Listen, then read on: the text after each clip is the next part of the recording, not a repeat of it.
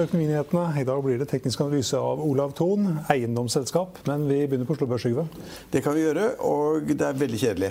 Eh, markedet var bitte litt ned på fredag, de som husker det.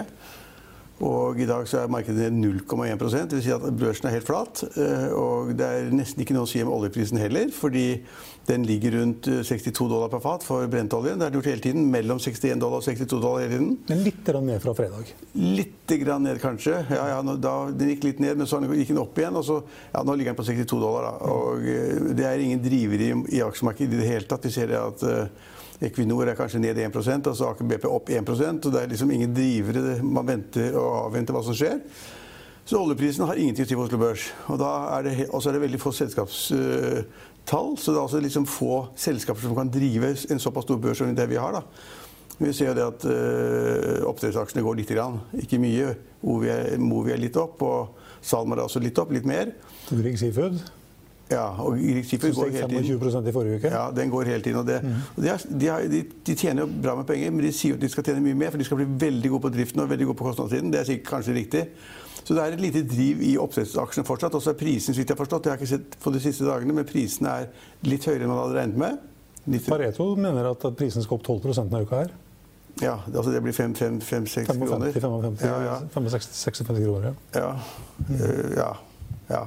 Altså hvis den da ligger på 50 kroner, 50 kroner skal opp 55 kroner. Mm. Det er et bra hopp innen oppdrettsnæringen og lakseaksjene. Så det, det, er mulig. Men det er ikke veldig mange drivere. Da. Så vi ser liksom olje ikke, oljen er ikke drivere. Øh, opp, oppdrettsaksjene lite grann. Øh, ja, altså, ja, og så ser vi på offshoreselskapene, så er det ikke veldig mye å hente der heller. Eh, men det, eh, det kan jeg, Bortsett fra, jeg vet ikke om det er så lite, men Siem Offshore opp 54% Ja, og det er interessant. Altså, det er en veldig sterk prosentvis oppgang. Men det, selskapet har i mange mange år ligget ganske nede. De driver med sånne PSV-er, altså Platform Service eh, Vessels. Mm. Som da driver og frakter ting frem og tilbake til riggene. Så driver de også med ankerhåndteringsfartøyer. De driver i offshore, tungt inn i offshore. Og det har vært en tung bransje helt siden 2014, da oljeprisen begynte å falle. Og de, hvis du går tre-fire år tilbake, så har de falt og falt og falt. og falt. Men i år har de faktisk steget hele tiden. Eh, litt, ikke så mye. Og så plutselig nå gjør det et veldig hopp. Kanskje fordi da noen regner med det at liksom det løsner helt inn offshoresektoren. Kanskje også inn i riggsektoren. Jeg tror ikke på det. Men eh, markedet, de som da spekulerer i aksjen, de får da en veldig rask prosentvis oppgang. Det samme er for Seabird Exploration, som er seismikk. Den har vært nede. Hvis du går tilbake tre-fire-fem år i tid, hvis jeg husker helt rett nå, så har den falt så har den falt 99,9 99, mm. i denne perioden. Og så har den da tatt seg litt opp igjen, og litt opp eh, i det siste. Eh, for det har kommet noen meldinger om at de har leid ut noen skip og får litt, litt, økt aktivitet. Men selskapet har vært ned 99,9% og det er ganske mye. Kom en melding i dag. Ja, Men da er det ikke så veldig, det ikke så veldig vanskelig å få en prosentvis oppgang på 5-6% heller. da. Og så skal det ikke veldig mye til for å løfte Siem Offshore heller. Det var liksom bare noen få aksjer. Ja, det er akkurat det. det man vet ikke om man gjør det selv engang. Det er venner som gjør det. men det er, er litt, Så det, det, er litt sånn spenning å se da på disse offshoreselskapene. Men, men det er ikke veldig mye eh, substans i det egentlig. da. Det er liksom selskapene som har tapt for mye, vært for mye ned, som har en liten renessanse akkurat i disse dager. Siden vi snakker om småselskaper, jeg vet ikke om du skal kalle det småselskap, men um vi har jo en del selskaper på all time low-listen vår, også på all time high. På all time high så kan vi ta Atlantic Sapphire, som også er et oppdrettsselskap. Greek ja. Seafood er på all time high. Ja. Bakkafrost. Ja. Og det, Atlantic Sapphire altså de er jo da på land i Miami, hovedsakelig. Også et annet sted, hvis jeg ikke husker feil. Men uh, det er veldig spennende hva de får til. Men de skal investere masse, så kan det ta mange år før det blir penger av det. Så det er en veldig spennende investering.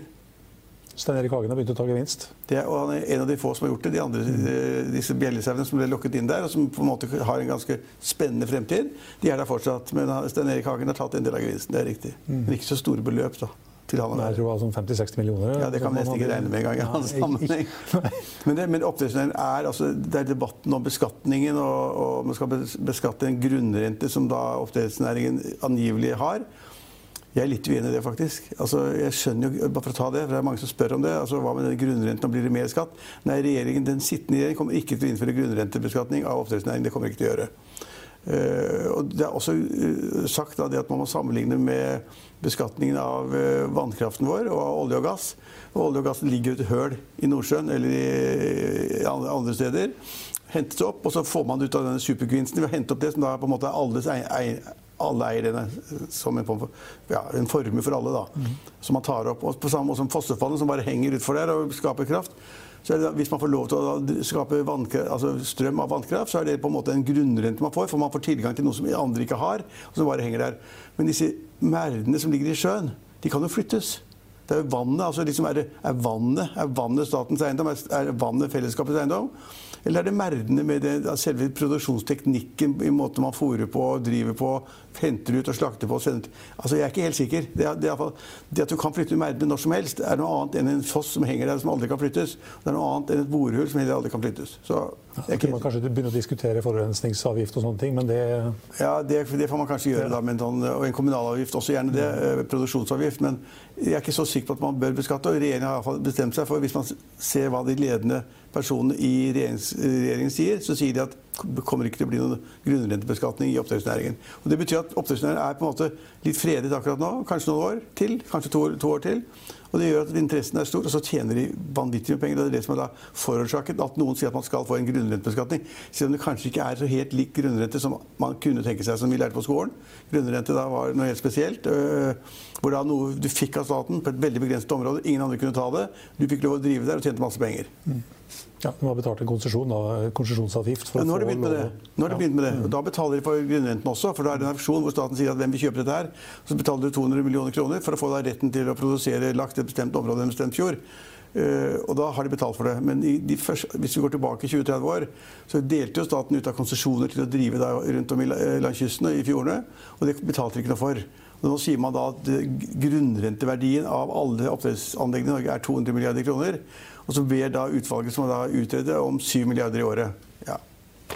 De får ikke. De får ikke nå, de får ikke for Arbeiderpartiet kommer i 2021-2022. Ja, nå har Arbeiderpartiet lagt fram sitt alternative statsbudsjett i dag. Dette har jeg ikke fått sett på det, faktisk. Nei, jeg fant, eh, Nå har ikke jeg studert det veldig nøye, men det står ingenting om det der. Eh, om det der men eh, det kommer en ekstra avgift på elbiler over 600 000. Den kommer. Hvis Arbeiderpartiet vil få lov å bestemme. Ja, og den, den, den kommer nok. Altså, den kommer da, kanskje uansett? Ja, Hadia Tajik har sagt at de skal, begynne, skal beskatte de to, store, tunge bilene. Og at det er meningsløst å la veldig rike mennesker slippe merverdiavgift på bilen. Kjøper en dyr Porsche eller en dyr fireseter eller SUV eller hva det måtte være, så mener da hun og Arbeiderpartiet at de da får for eh, store lettelser eller skattelettelser i forhold til hva de burde ha, som de små skal ha. Mm. Det har vel for så vidt også Arbeiderpartiet og Fremskrittspartiet sagt uh, tidligere. Ja, men, det, det, men, de ble jo da på en måte hindra av KrF og Venstre. Jo, men det er en forskjell. Eh, den sittende regjeringen og de partiene som står bak, de har sagt at de fordelene man har for elbiler, de skal vare ut 2021. Mm. Altså, inntil man får et valg i 2021 på høsten eh, så skal dette vare, og det blir ut 2021. Og Så kan da det komme til en ny regjering, og de kan da lage et nytt budsjett for 2022. Det er det, det budsjettet man lager i 2021. Mm. Og da, hvis det blir nytt regjeringsskifte, så kommer da de røde inn, de rød-grønne inn på slutten av 2021. Og så kan de da tenke seg at dette var fæle greier. Vi vil bygge ned disse fordelene som elbilen har. Og da gjelder det budsjettet 2022. Det er en stund til. Mm. Med navnebror av deg som statsminister? Så, ja, Trygve Slagsvold han skal være statsminister. Ifølge Nasjonen så bør han bli det. for nå er, det, nå er da faktisk da Senterpartiet rett bak Arbeiderpartiet og Høyre. Og Høyre akkurat nå så er det større enn Arbeiderpartiet. Marginalt større. 0,4 prosentpoeng eller sånt nå. Så, og da mener Nasjonen, hadde vi hele forsiden på lørdag, det har jeg kommentert, at er det heller ikke utenkelig at vi får Vedum som statsminister. Vi får se. Ja, Arbeiderpartiet skal jo øke skatter og avgifter med 10 milliarder kroner i sitt alternative budsjett. Så det kan jo tenkes at det bidrar til å løfte Slagsvold Vedum videre. ja, ja, hvis folk ikke vil ha de skatteøkningene. Ja. Og han, han, han, leder jo egentlig et eh, parti som er for eh, landbruksnæringen. Det er selvstendig næringsdrivende. Det, bare, det, virker ikke sånn helt de får så mye penger av staten. Men de er jo selvstendig næringsliv. De er vant til å kjøpe inn gjødsel og råvarer og kjøpe traktor og investere og i banken og låne penger og gjøre alt det vi andre næringsdrivende nivå. Og så får vi se hva som blir igjen. Men det, så, er på, så, er det vanskelig å tjene penger på produktene. Så Marginen er for liten, og så tjener de for lite, og så blir de statsstøttet alle sammen hele tiden. Og de får da 15 milliarder i året. Så det kan tenkes at Hvis Arbeiderpartiet maser for mye med skatteøkninger og avgiftsøkninger, så kan Senterpartiet gå forbi Arbeiderpartiet ganske raskt, faktisk. Så det. Ja, og nå ser vi ser altså at USA-børsene åpner litt, opp, litt, litt, ned i dag. For de var opp på fredag. Ja. Det, men det har heller ikke vært å drive det norske markedet. De har vel vært sånn stort sett i all time high nå de siste? Ja, alle, alle indeksene. Ok, Det ser ut som det er litt rødt, ja. Eh, se på her, så er Dow Jones opp 0,02 Ja. Ja, men det, det er ganske pussig at oljeprisen er så stabil. og Det er også pussig at Oslo Børs ligger så avventende hele tiden. er liksom ned 0,2% eller 0,1 i dag. Det, det, jeg synes det er ganske pussig. De, de store driverne er borte, og de, store, de som da på en måte er store kjøpere av aksjer, de er også litt borte for tiden. Og traderne er også litt borte. Venter kanskje på handelsforhandlingene mellom USA og Kina, eller noe nytt med Donald Trump, eller et eller annet. Jeg vet ikke. Eh, Jeg kom til å tenke på en ting. eh, Vi har fått inflasjonstall i dag. Eh, Det var vel ikke kjempespennende? Nei, det var omtrent akkurat som ventet. altså Konsumprisindeksen den økte med altså 1,8 og kjerneinflasjonen økte med 2,2 eller sånn nå. Og det er omtrent akkurat der man regnet det skulle ligge. Og hvis man da får en, real, hvis man får en lønnsvekst på 3 og har 2% inflasjon, så har man en reallønnsvekst på 1% Ja. Det er mange land som ikke har det. Så eh, jeg var litt overraska. Nå har jeg ikke vært ute og flydd i det siste, men eh, flybilletter var ned 7 siste Ja. ja, fra forrige måned. Men jeg sier noe om konkurransen mellom, mellom eh, SAS, mellom SS og Bråten og mellom Ryanair og de andre selskapene. Og så vidt jeg husker rett, så er det da i år i Europa eller er det syv selskaper som har gått konk. Sikkert småselskaper rundt omkring, men de går konk. Fordi det er fuel-kostnadene gikk opp, og, billettprisene går ned. Og det, er, og det er for mange som konkurrerer mot hverandre, så det er tøft. Supertøft. Meldingen fra Norwegian i dag om at de oppretter tror jeg, 16 nye ruter, og at de Ja. øker hyppigheten på noen ruter. Veldig mye østover, da. De skal liksom ta alle de som kommer da fra østeuropeiske land, da, som jobber i Norge og i Skandinavia for øvrig, så skal de fange opp de. og det, det Jeg har ikke peiling om det er riktig eller ikke, men det så ut som det var veldig mye av den type trafikk de skulle fange opp da, med en eller to avganger i uka. Sikkert smart, ja. Apropos, apropos flyer, leste i Kapital at uh, Stein Erik Hagen har kjøpt seg nytt fly. Ja, mange som kjøper nytt fly. Han, han solgte for massevis av år siden, og nå går det så bra åpenbart med Orkla og selskapene hans at han kan kjøpe nytt fly. De, disse flyene de snakker om koster jo et par hundre millioner, vet du. Ja, det tror jeg. Ja. Røkke kosta vel en halv milliard, tror jeg. Ja, ja, hans fly det var en halv milliard. Eller er Aker sitt, da. Ja. Du vet at han har eget fly som bare går til hytta hans?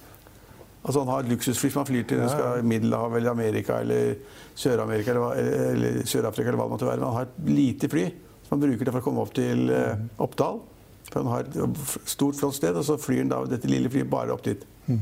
Han Han gidder ikke toget opp, altså. han bygde akkurat stor nok flyplass til at det flyet kunne lande, tenker jeg. Ja, Han gidder ikke toget opp, kan jeg forstå.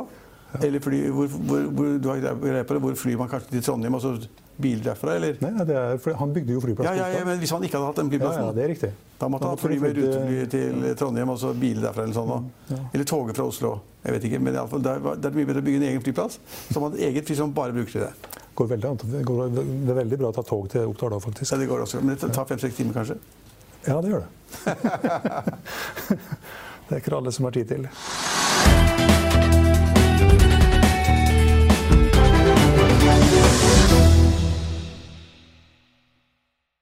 Økonominyhetene er en podkast fra Finansavisen. Programledere er Marius Lorentzen, Stein Ove Haugen og Benedikte Storm Bamvik. Produsenter er Lars Brenden Skram og Bashar Johar. Og ansvarlig redaktør er Trygve Hegnar.